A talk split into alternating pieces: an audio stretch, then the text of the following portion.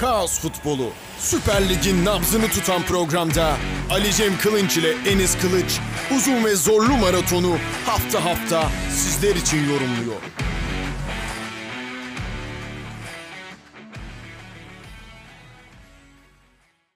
Plase Dergi'den selamlar sevgiler. Kaos Futbolu'nun yeni bölümünde sizlerle birlikteyiz. 50. bölüme özel olaraktan ilk defa deneyeceğimiz bir içerikle karşınızdayız. İki part üzerinden e, Kaos Futbolu bundan sonra devam ettirmeyi planlıyoruz.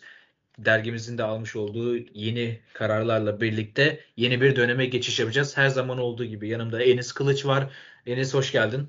Hoş bulduk. Çok teşekkür ederim. Ee, yeni dönemle birlikte biz de ilk defa böyle bir içerikle seyirci karşısına çıkacağız. Umarım evet. beklentilerimizi karşılar diyelim ve istiyorsan hemen başlayalım. Umarım, umarım. Yani içerik kalitesini arttırabilmek için e, dinleyicilere daha hap bilgilerle veya daha çok merak ettiği konulara değinerek e, bir yayın yapmaya çalışacağız. E, umarım güzel bir iş çıkar ortaya. Evet.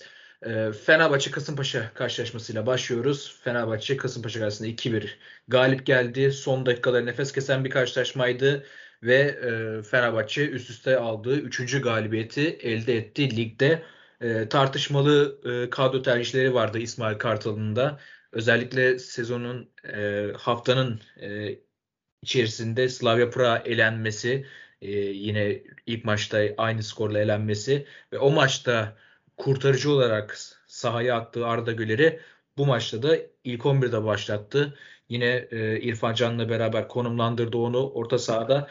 E, birazcık fazla mı yük biniliyor Arda'nın üzerine diye konuşmaya başlayalım istersen. Evet yani şöyle hafta içerisinde Slavia Prag deplasmanında İsmail Kartal şöyle bir açıklama yaptı. E, Arda Gürel bizim değerimiz. E, kendisinin çok oynayacağı maçlar olacak. E, onu bu şekilde yıpratmamak lazım. Onu koruyup kollamamız lazım diye bir açıklaması olmuştu. E, aynı İsmail Hoca bu açıklamadan sonra maçın 60. dakikalarındaydı zannediyorum. Slavia Prag deplasmanından bahsediyorum. Arda Güler'i kurtarıcı diyor oyuna attı. Ve bugün aynı Arda Güler e, Fenerbahçe'de ilk 11'e başladı. Arda Güler'in oyuna girmesi veyahut da Arda Güler'in e, ilk 11'de başlaması ile ilgili hiçbir problemimiz yok. Zaten bizi dinleyenler, dinleyenler bu noktada pozitif yaklaştığımızı biliyor. Konu şu İsmail Hoca'nın bu çelişkili açıklamaları. Yani e, yük bindirmeyelim, onu koruyalım, kollayalım, daha çok oynayacağı e, maçlar olacak diye açıklama yapıp kurtarıcı Arda Güler'i oyuna atarsa e, bu sezonun veyahut da takımın mevcut ruh haline e, bu hale gelmesindeki ana sebep olursun. Ve çocuğa da hiç hak etmediği bir baskıyla karşılaştırırsın. Bugün mesela hem oyuna sonradan girdiği maçlara göre hem de forma şansı buldu. İlk 11'de çıktı bir de Kadıköy'deki maç vardı biliyorsun. O maça göre biraz daha durgun, biraz daha duran e, hatta biraz daha sağ kenarda izledik. Maça da o şekilde başladı. Daha sonra İrfan Can'la da yer değiştirdi. E, İsmail Hoca'nın kafa karışıklığı e, oyuncunun da tabii ruh haline ve oyununa ister istemez yansıyor. E, peki e, İsmail Kartal'la beraber gelişimi ne düzeyde ilerler Arda Güler'in? Yani sene sonunda şu anki olduğu noktadan daha iyi bir noktada mı görürüz? Önümüzdeki sene Fenerbahçe'nin e, birinci planlarında olur mu? Yoksa e, İsmail Kartal'ın bu e, kendi içerisinde yaşadığı çelişkiler Arda Güler'i olumsuz anlamda etkiler mi? Yani eğer ki altyapı hani diyoruz ya bilirsin Cem e, altyapısı iyi futbolcu bak hemen kendini belli ediyor diye. Evet. Eğer ki psikolojik anlamda, e, mental ve fiziksel anlamda kendisini iyi hazırlayabilen bir futbolcu ise ki daha yeni yeni tanıyoruz onu. O bağlamda bilmiyoruz. Bir soru işareti. E, Fenerbahçe'nin içinde bulunduğu durumdan veya İsmail Hoca'nın bu kafa karışıklığından çok fazla gelişimi noktasında etkileneceğini düşünmüyorum. Ama bir problem var. Sorunun içinde de vardı. Fenerbahçe'nin içerisinde bir bilinmezlik var.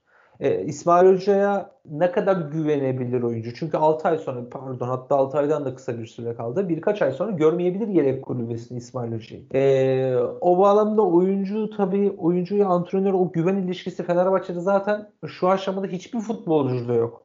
Veyahut da hiçbir teknik e, teknik ekipte yer alan antrenörde oyunculara karşı yok. Çünkü bir bilinmezlik var. Yani teknik ekip devam edip bir e, oyuncu grubu olmayabilir önümüzdeki sene veya tam tersi. Teknik heyet yer almayabilir. O bağlamda tabii burada taşın altına e, elini sokması gereken e, kişi ve kurum E, Fenerbahçe yönetimi ve Fenerbahçe başkanı. Buradaki belirsizliği kaldırdıktan sonra oyuncunun gelişimi de pozitif anlamda ilerleyebilir. Çünkü büyük bir yetenek abi. Yani o çok net görülüyor. Sakinliği, evet. e, oyun zekası, oyun içi aksiyonları çok iyi. E, geçen yayında da söyledim. Tekrar olacak. 16 yaşına, 17 yaşına girdi. Pardon. 26-27 yaşındaki bir orta saha futbolcusu gibi hareketleri, aksiyonları, koşulları, toplu veya topsuz pozisyon bilgisi o şekilde. Umarım böyle de devam eder. Biz de keyifli izleriz. Evet, biz de e, en içten Arda'nın daha çok gelişmesini umuyoruz. E, kurtarıcı rolünden bahsettik Arda için ama bugün geldiğimiz noktada da Fenerbahçe'yi bu maç üzerinde kurtaran başka bir isim vardı. O da Altay'dı. Ee, evet. Slavia Prag karşılaşmasında yediği bazı hatalı goller onu tekrardan eleştiri oklarının hedefi yapmıştı ama bu maçta da e, benim şahsi kanaatimce 3 puanı getiren isim oldu. Senin e, Altay ile ilgili görüşlerini almak istiyorum çünkü Kasımpaşa'nın oyununu da biraz sonra konuşacağız. E, gerçekten de skoru etki eden kurtarışları oldu. Evet. Zaten Kasımpaşa malumun e, özellikle teknik direktörler değişikliğinden sonra öyle çoğul konuşmak lazım. Evet. Kasımpaşa'da son son senelerde biliyorsun seneyi bir 3 antrenörle tamamlama furyası var. Daha fazla e, oldu bile oluyor. Ekip, evet yani buna maalesef diyeceğim. E, Ümit Şengül Hoca geldikten sonra Kasımpaşa'da zaten pozitif anlamda bir ilerleme söz konusu. E, ligdeki sıralamada da e, belli noktaları çıkmak için mücadelelerini verdiler. E, ama malumun hem kadro derinliği hem işte bu istikrarsız durum tekrardan onu ligin 15.ne e, kadar gerilettirdi. Ama günün sonunda şöyle bir durum var. Kasımpaşa'nın pozitif futbol önünde bir gerçek. Altay'a iş düşeceği de bir gerçekti Fenerbahçe'nin mevcut durumunda. Ama bu sefer çok fazla düştü. Yani e, evet kaleciler e, böyle önemli anlarda işte bir şampiyonluk maçında işte Trabzonspor'da Uğur, Uğurcan Çakır için konuşuyoruz. Biliyorsun işte çok ipten aldı. E, çok kurtarışlar, evet. çok kritik kurtarışları var ama onların hepsinin bir anlamı oldu. Evet Trabzonspor bölümünde de konuşuruz. Bugün Trabzonspor 66 puanla lider. En yakın takipçisi 17 puanlık bir fark var. Bir anlamlandırıldı. E, Altay şu anda şöyle taraftarın gözünde e, tek başına mücadele ediyor adam ya helal olsun. Ve bu ne oluyor? Fenerbahçe kültüründe Fenerbahçe taraftarını bilen, Fenerbahçe kamuoyunu bilen dinleyicilerimiz de bilecektir bunu. E, bir ayrışma söz konusu oluyor. Ya bir 6 ay kadar oynamıyorsunuz kardeş. Ama aslında Altay işini yapıyor ve işini yapmayan bir oyuncu grubu bir teknik heyet var. E, maalesef 6 ayda bunların içerisinde bir pırlanta gibi görünüyor. Ama emin olun Fenerbahçe'nin bu kadar pozisyon vermesi en çok şikayetçi olan Altay Bayındır'dır. Onu da belirtmekte fayda var. Evet. Ya ama şunu da değinmek gerekiyor. İsmail Kartal geçtiğimiz haftalarda Kayseri Spor'a Ziraat Türkiye Kupası'nda elenmeden önce şöyle bir demeç vermişti. Üç kulvarda da mücadele eden bir Fenerbahçe var demişti. O açıklamadan evet. sonra önce Kayseri Spor'a elenildi. Daha sonrasında Slavia Praha Konferans Ligi'nde elenildi ve gelinen noktada da Fenerbahçe'de şu anda devam eden tek kul var. Lig haline geldi. Ve e, şu anda da Konya Spor'un arkasında 3 puan geride ve Fenerbahçe için ikincilik de e, en az lig şampiyonluk kadar önemli bir hale geldi. Özellikle Beşiktaş evet. ve Fenerbahçe e, Galatasaray'ın da bulunduğu konumu düşünürsek. E, İsmail Kartal sezonun geri kalanı için ne kadar e, ümit verici bir performans sergiliyor. Onu konuşmak lazım. Çünkü Başakşehir'de Konyaspor'da belli bir istikrarı yakalamış. Zaman zaman tökezleseler de e, en az Fenerbahçe kadar ikincilik konusunda iddialı takımlar. Fenerbahçe'nin sezonu ikinci bitirme olasılığı nedir? E, yani şöyle Başakşehir'den fazla değil. E, Adana Demirspor'dan fazla değil. Hatta muhtemelen Adana Demirspor veya Başakşehir bence oranın daha ciddi adayı. Çünkü Konya Spor'da bir ivme geriye doğru geldi. Biliyorsun mağlubiyetler oldu. Seri mağlubiyetler oldu. E, bu hatta orada da e, İlhan Polat Hoca da e, lig ikinciliği bizim için daha gerçekçi bir hedef dediği zaman tabii oradaki hemen kulüp içerisindeki, camia içerisindeki, taraftar içerisindeki ambiyans geriye düştü. Evet. E, bu arada gerçekçi bir hedefti. Yani aslında düşmemesi gerekirdi ama maalesef o sahaya da yansıyor Konya Spor'da. Çok da ağır bir mağlubiyet aldılar biliyorsun bu hafta. Doğru. Konya Spor mu- muhtemelen oradaki yerini kaybedecek gibi duruyor. Bu tahmin tabii ki de. Oynadığı futbolda bu arada sezonun geneli için konuşursak kesinlikle oraları hak etti. 2-3'ü net hak etti. E, Fenerbahçe için şöyle söyleyeyim. Fenerbahçe 2 ileri bir yere sezonu tamamlayacak. E, burada belirleyici olan Başakşehir ile bence Adana Demirspor. Beşiktaş'ı buraya niye dahil etmiyorum? Beşiktaş'ta da enteresan işler oluyor. Beşiktaş bölümünde konuşuruz diye orayı birazcık ucunu açık bıraktım. E, Gezal tekrardan MVP oldu. E, ama diğer oyuncular Gezal kadar mücadele etmiyor. Gezal kadar e, skora veya oyuna katkı vermiyor. Nereye kadar götürecek bilmiyorum. Ama Fenerbahçe'nin üzerindeki Başakşehir ve altındaki Adana Demirspor takım halinde çok daha pozitif işler yapan iki ekip. O bağlamda ben evet. ikisini ikinciliğe daha ciddi aday görüyorum. E, Fenerbahçe kısmı içinde dediğim gibi İsmail Hoca çok fazla güven vermiyor. Göreve geldikten sonra çok iyi iş çıkarttığını söylemek zaten mümkün değil. E, üç kulvardaydı evet Fenerbahçe. E, ligi şöyle not etmek lazım. Yönetim zaten vazgeçti ligden. E, evet Fenerbahçe böyle bir oyun oynamıyordu ama biliyorsun Aralık ayının ortasından sonra Vitor Pereira yollar ayrıldı, ayrıldığı için e, Aralık ayındaydı. Yani Aralık ayının başları gibiydi veya ortası gibiydi. Ayrıldıktan sonra zaten yönetim havluyu attı. Evet. Havluyu attığı için de e, o, bu oyuna da yansıdı. Ligdeki sıralamaya da yansıdı. Diğer iki kulvarda tabii İsmail Hoca'ya yazar mı? Net yazar. Yani hele ki Slavia Prag maçının iki maçı da Türkiye Kupası'nda Kayseri'ye mağlubiyetler facia.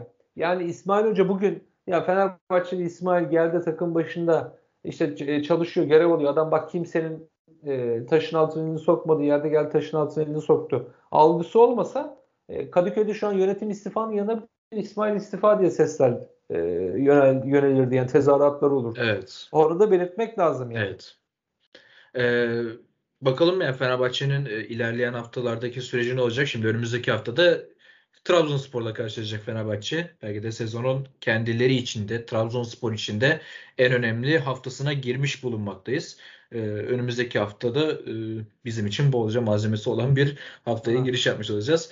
Ee, tabii ligin üst sırasında böyle e, ciddi çekişme varken ikincilik içinde e, ligin alt sıralarına da yaklaştı Kasımpaşa bu mağlubiyetle beraber. Aslında Ümit Hoca ile beraber sen gel e, daha önce de az önce de belirttin. Geldiği günden beri üst üste aldığı galibiyetlerle dikkat çekmişti. 5 maçta 5 evet. galibiyet aldı. Bunların içerisinde Galatasaray galibiyet de vardı ama son 4 karşılaşmada bir galibiyet söz konusu değil. 2 mağlubiyet, 2 beraberlik aldı. E, ligde düşme hattını da yakından ilgilendiren bir takım haline geldi Kasımpaşa. Aslına bakarsan bugün de e, hatır sayılır bir oyun ortaya koydu Fenerbahçe'ye karşı. İlk yarıda e, ön alan presini çok ciddi yaptı ve çok net gol pozisyonlarına da girdi. E, e Kasımpaşa bu oyununu e, rakiplerine dikte edebilirse ligde kalabilecek midir? E, bunu sormak istiyorum. E, ayrıyetten de diğer ligden düşecek olan dört takım içerisinde e, olabilirler mi? Bunu da sormuş olayım. Evet, yani şöyle aslında e, bugün dediğim gibi hakikaten e, mücadelelerin verdiği oyuncu grubu. Antrenörün isteğini de sahaya yansıtmaya da çalıştılar. O da çok net görüldü. Özellikle ilk yarıdaki biliyorsun ön alan baskısıyla Fenerbahçe iyi çalışmış bir Kasımpaşa'yı gördük.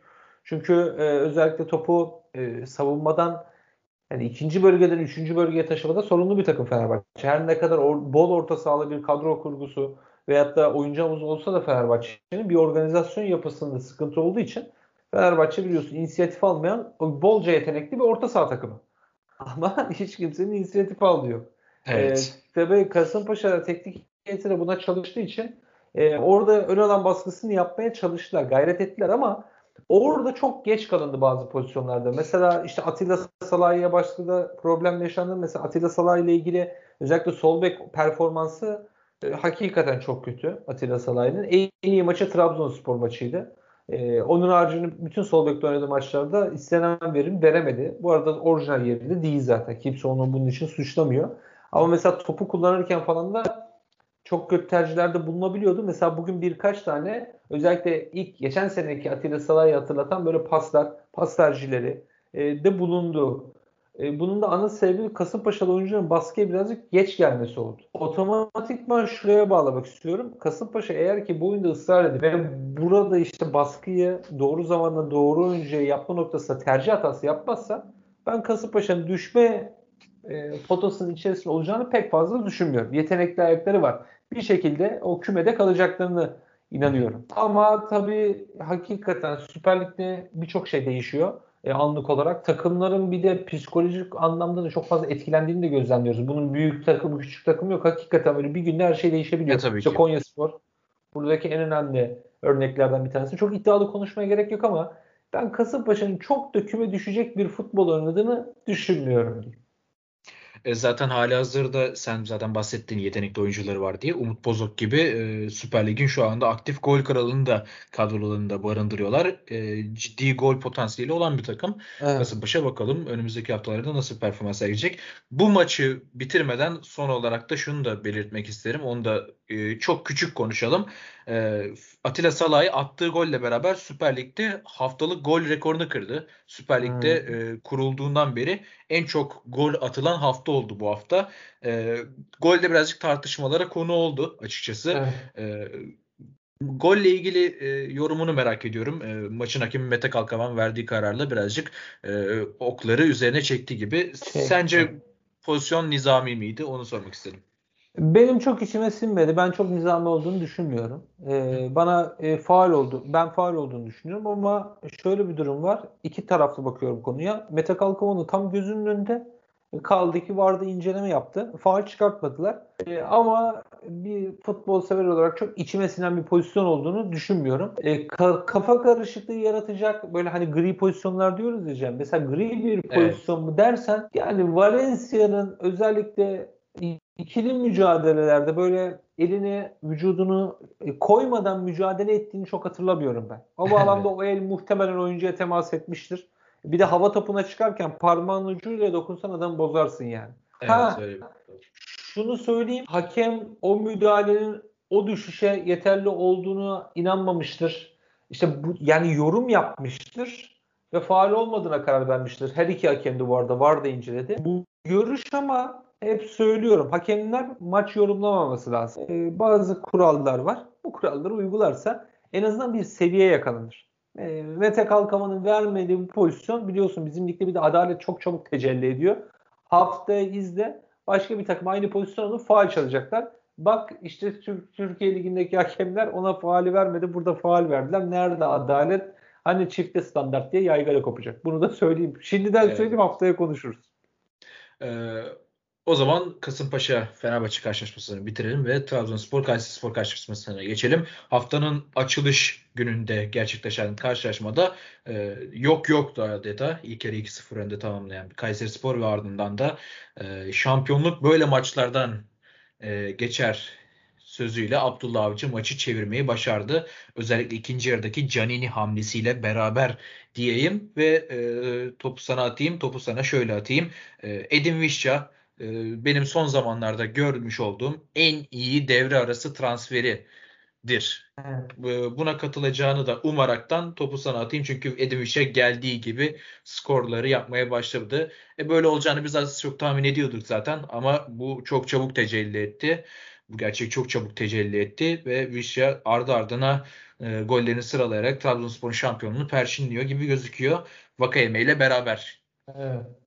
Yani şöyle e, Trabzonspor'un iki tane MVP'si var basketbol terimiyle. E, bir tanesi Vakayeme, bir tanesi Edin Visca. E, Marek Hamşik, Bakasetas ligin ikinci yarısındaki çıkışıyla belki oraya bir Cornelius'u dahil edersin isteyene. Ben o seviyede olduğunu düşünmüyorum. Bunu belirteyim. Ama günün sonunda e, Vakayeme gibi, Visca gibi e, şu an ligimizde hangi takım formasını bugün çıkarsın Visca gelsin Kasımpaşa'ya aynı futbol oynar. E, Vakayeme hakeza aynı şekilde. Ha Vakayeme için şunu söyleyeyim. Bir antrenör dokunuşu gerekiyordu. Abdullah Avcı onu yaptı. Ama Edin Visca için böyle değil durum. Edin Visca dedim ki çıkartsın formasını. Gitsin başka takım formasını ise aynı futbolda oynar.